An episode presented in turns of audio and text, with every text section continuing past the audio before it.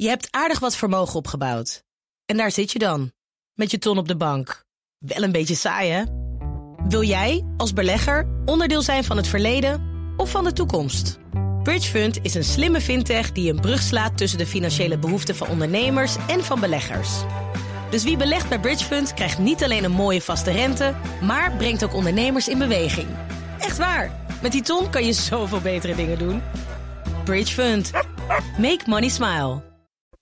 De BNR Techniek Tour wordt mede mogelijk gemaakt door Techniek Nederland. De makers van morgen. BNR Nieuwsradio. De Techniek Tour. Carlijn Meinders. Hoe kan kunstmatige intelligentie veilig en waardevol worden ingezet in de zorg? Om het antwoord op die vraag te vinden begin ik bij het Leids Universitair Medisch Centrum. Daar hebben ze een jaar geleden een heel lab ingericht om dit te onderzoeken. Het Care Lab. Anne de Hond is er onderzoeker. Ze vertelt, niet in het ziekenhuis, maar op veilige afstand in een kantoorruimte, dat er in het ziekenhuis veel interesse is in de mogelijkheden van kunstmatige intelligentie. Nou ja, eigenlijk noem het maar op. De interne geneeskunde, spoedeisende geneeskunde. Echt uh, vanuit veel hoeken is er interesse.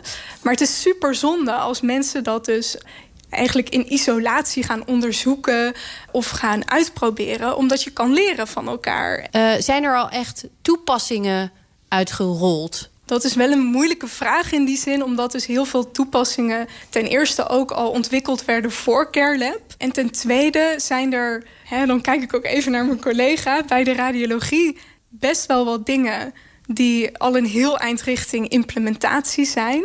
Verder in het ziekenhuis zijn er heel veel projecten die in een soort pilotfase zitten. Dus dat is interessant, want daarin kunnen we zeker wel kijken hè, hoe het zou kunnen werken.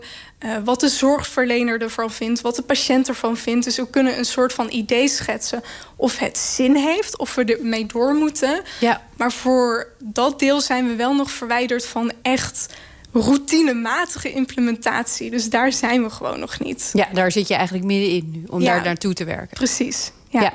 En ik kan me voorstellen dat zeker in de medische sector... Uh, luistert het sowieso nou, of je nou kunstmatige intelligentie hebt... of gewoon artsen die het werk doen. Ja. Uh, maar zeker met technologie op deze manier...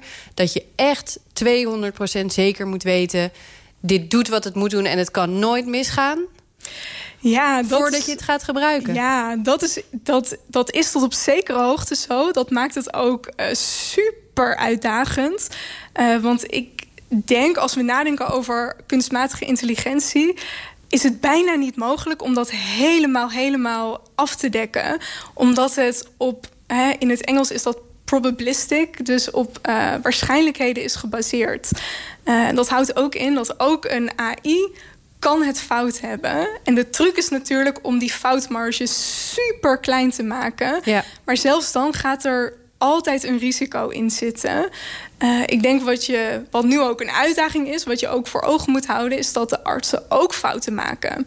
En daar hebben we ook een bepaalde He, uh, manier voor om daarmee om te gaan. Uh, dat, dat accepteren we tot op zekere hoogte. Menselijke fout is tot op zekere hoogte acceptabel. Ja. Nou, dat is de uitdaging voor AI, dat we daar ook mee leren uh, omgaan in ons denken en in ons handelen. Uh, en dat we dus definiëren voor onszelf wat acceptabel is en niet ja. voor zo'n nieuwe technologie. Hoeveel en wat voor soort fouten mag een algoritme maken? Wanneer vinden we dat zo'n algoritme de zorg ook echt beter maakt? En welke data stoppen we er precies in? En vertegenwoordigt die eigenlijk wel elke patiënt? Het zijn vragen die heel vroeg in het proces gesteld moeten worden, meent ook Leon Kester.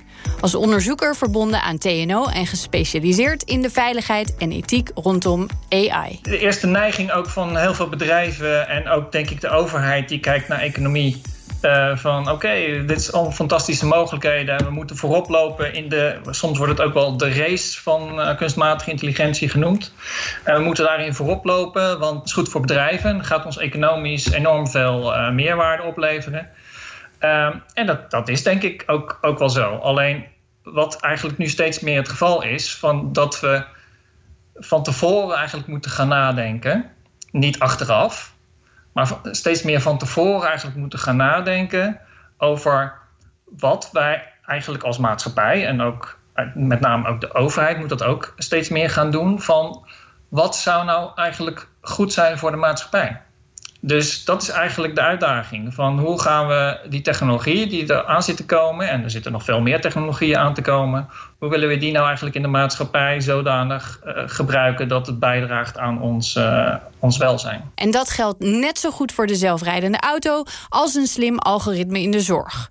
Het kan voordelen hebben voor ons allemaal, maar er moet een duidelijk plan zijn. Wij moeten met z'n allen beslissen wat we een waardevolle oplossing vinden en wat niet. Vooraf. Zeker als er op een gegeven moment niet meer altijd meegekeken kan worden met algoritmes. Dus de eerste stap is van hoe ga je dat dan technisch doen? Daar is al veel discussie over. Daar ben ik nu in de Europese Unie mee bezig om daar te kijken van hoe kunnen we dingen rond dit probleem standaardiseren. Uh, waarbij je eigenlijk van tevoren de maatschappij of de wetgever of vertegenwoordiger van de maatschappij daar iets over moet gaan duiden in, in, in, in zeg maar in mathematische termen. Want anders kan het, uh, een, een, kunstmatige intelligentie daar niks mee. Dat is dus in eerste instantie een technisch probleem. Dan kom je natuurlijk ook op de vraag van ja, maar wie gaat dat dan bepalen? wie is er dan uiteindelijk verantwoordelijk waarvoor?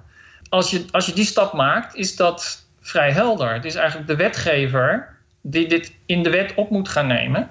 En vervolgens zijn bijvoorbeeld autofabrikanten of andere fabrikanten van andere uh, systemen, die zijn dan verantwoordelijk om eigenlijk systemen te maken die zo goed mogelijk optimaliseren naar die mathematische beschrijving die door de wetgever is, uh, is uh, voorgeschreven. Normen en waarden vertalen naar waarden in cijfertjes dus. Terwijl dit allemaal nog niet vast ligt, wie straks in grote lijnen verantwoordelijk is voor wat, wat we nou met z'n allen echt belangrijk vinden, wordt er dus al van alles uitgeprobeerd. Daarvoor gaan we even terug naar Leiden. De hond heeft iets meegenomen uit het Care Lab.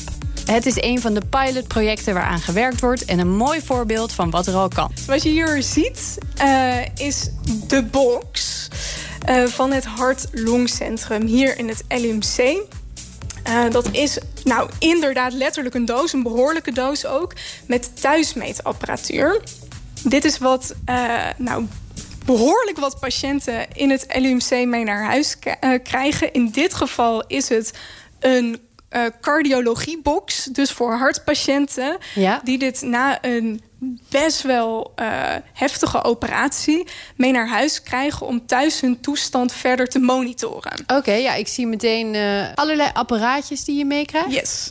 Dus om je even een, een beeld te geven, ik heb hier een ECG-apparaatje. Uh, dat is je hartslag meet. Dit is volgens mij ook deels een ECG, maar volgens mij ook een Fitbit of in die zin een activity monitor. Smartwatch, dus ja. Ja, dus die houdt bij hoeveel uh, stappen je zet. Ja, dat zijn dingen die typisch belangrijk zijn voor hartpatiënten, die vaak uh, en goed moeten bewegen en natuurlijk een regelmatige hartslag moeten hebben. Nou, hetzelfde geldt voor, die heb je hier, uh, een bloeddrukmonitor. Dus een wifi-bloeddrukmonitor. Een wifi-bloeddrukmonitor. Ja. En het doel is dat patiënten dit uh, dagelijks gebruiken. Ja.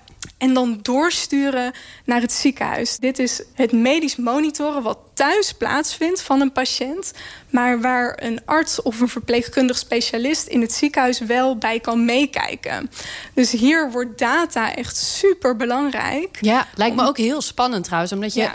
Je gaat er dan vanuit, of je wil in ieder geval dat iemand ook snapt wat hij aan het gebruiken is aan apparatuur. En uh, dat op ja. de juiste manier doorstuurt en daarin zelf geen fouten maakt. Dus er ligt best wel wat verantwoordelijkheid dan bij de patiënt zelf ook. Dat klopt ook, ja. En dat merk je dus ook. Er, zijn, uh, hè, er zit een weegschaal in. Er zijn ook voorbeelden van uh, patiënten die hè, of met de koffer op de weegschaal gaan staan vlak voor een vakantie. Dus dan heb je ineens een hele rare, hele grote sprong ja. uh, in gewicht. En dat klopt niet. Nee. Um, dus dat soort metingen die, uh, nou, die worden eruit gehaald door de verpleegkundige specialisten.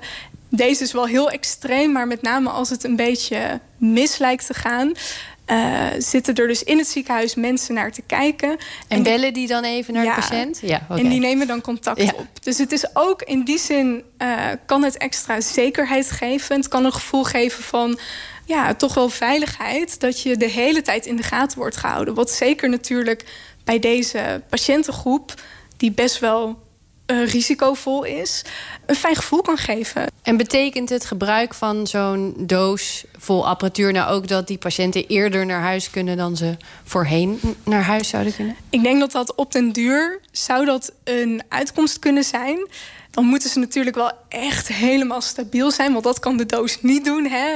Uh, wat een hij IC kan niet ingrijpen. Kan. Ja, ja. Nee, precies. Hij kan alleen maar passief meten. Um, maar dat zou zeker een uitkomst kunnen zijn. En wat ik denk wat nog een groter uh, voordeel is... is dat een aantal van de consulten die een patiënt zou hebben in het ziekenhuis... dus een, een gesprek met zijn arts... Uh, kan die nu thuis hebben via een webconsult. Uh, ook omdat de arts al heel veel informatie heeft van die patiënt. De gigantische hoeveelheid data die per patiënt binnenkomt, verwerkt en gecontroleerd moet worden, is hierbij een grote uitdaging. En dat is nou precies iets waarbij een algoritme straks moet gaan helpen. Die pikt de gevallen eruit die een hulpverlener extra in de gaten moet houden. Maar. In dit geval hebben we het echt over een beslissingsondersteunend algoritme. Dat houdt in dat dit algoritme nooit uh, een deel zelfstandig zal overnemen van het zorgproces. Dus in, uh, in het geval van de box zal het altijd uh, ondergeschikt zijn aan de beslissing van de verpleegkundige. Dus die mag echt bepalen of het wel of niet luistert naar het algoritme. En in hoeverre he, uh, zij of hij het algoritme meeneemt in de beslissing de bedoeling is uiteraard dat uh, dat mooi samen kan en dat het helpt. Dat is ook iets wat we nog gaan onderzoeken. Ja, dus het zou ja. ook nog kunnen dat niet per se dit voorbeeld, maar je iets test en uiteindelijk de hulpverleners zeggen: ja, sorry, maar dit kost eigenlijk alleen maar meer werk en het, het levert niet betere resultaten op. Dat zou dan in principe eruit kunnen komen. Dat zou er zeker uit kunnen komen. Uh, en dat vinden wij eigenlijk niet eens zo heel erg. Natuurlijk zetten we in op AI die de zorg verbetert. Uh, dat is absoluut het doel, maar we moeten ook gewoon leren hoe dat moet. De Techniek Tour.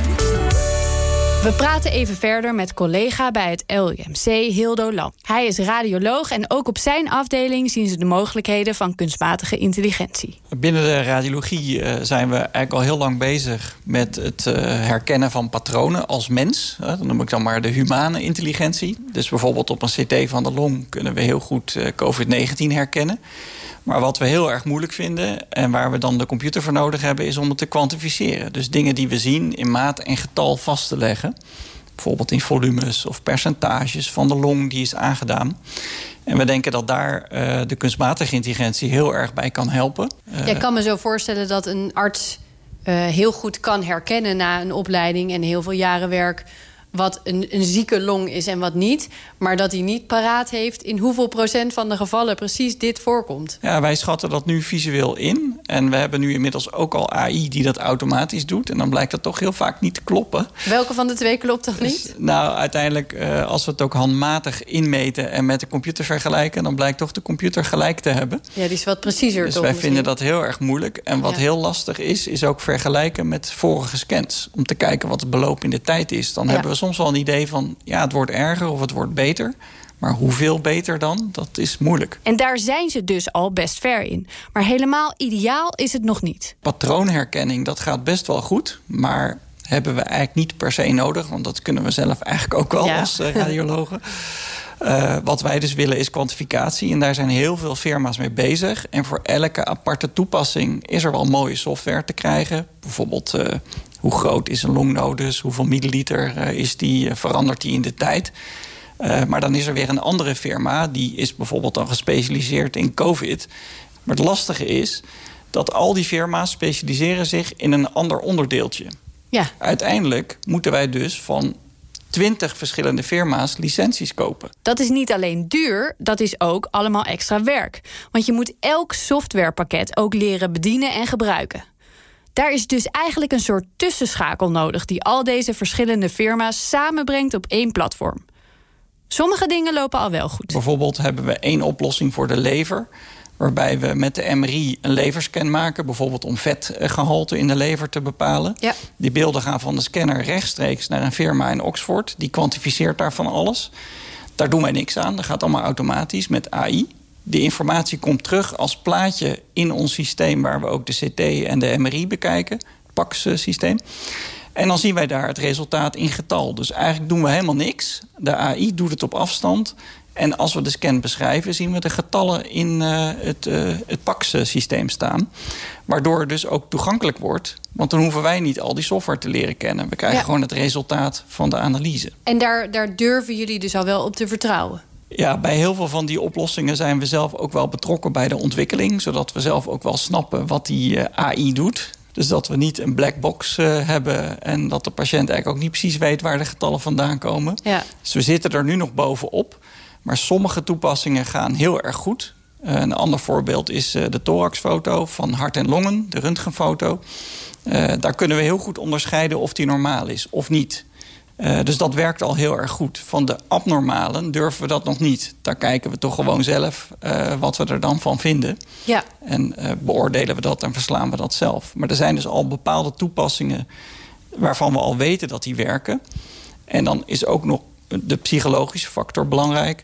He, van accepteert de radioloog dan die uitkomst van de computer en accepteert de patiënt dat? En hoe we dat nu doen de komende periode... is dat we het eigenlijk allemaal door de computer laten doen...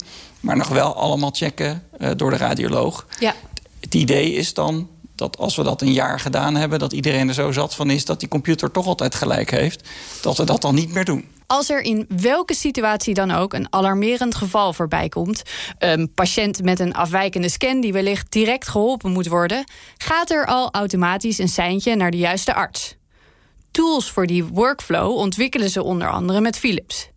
Maar wat zou nou het hoogst haalbare zijn? Ja, wat we eigenlijk zouden willen is, is dat je bij elk verslag wat je maakt... dat die computer meeluistert en leert. Maar daar is een heel groot vervelend probleem mee.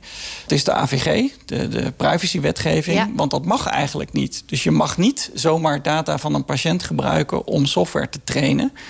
Terwijl dat eigenlijk een ontzettende belemmering is. Want elke scan die wij klinisch verslaan... dat zou eigenlijk natuurlijk leerstof kunnen zijn voor de computer. Dus wij doen dat nu allemaal achteraf. Dan doorlopen we een hele procedure... en dan vragen we allemaal toestemming aan de patiënt... en aan alle betrokkenen.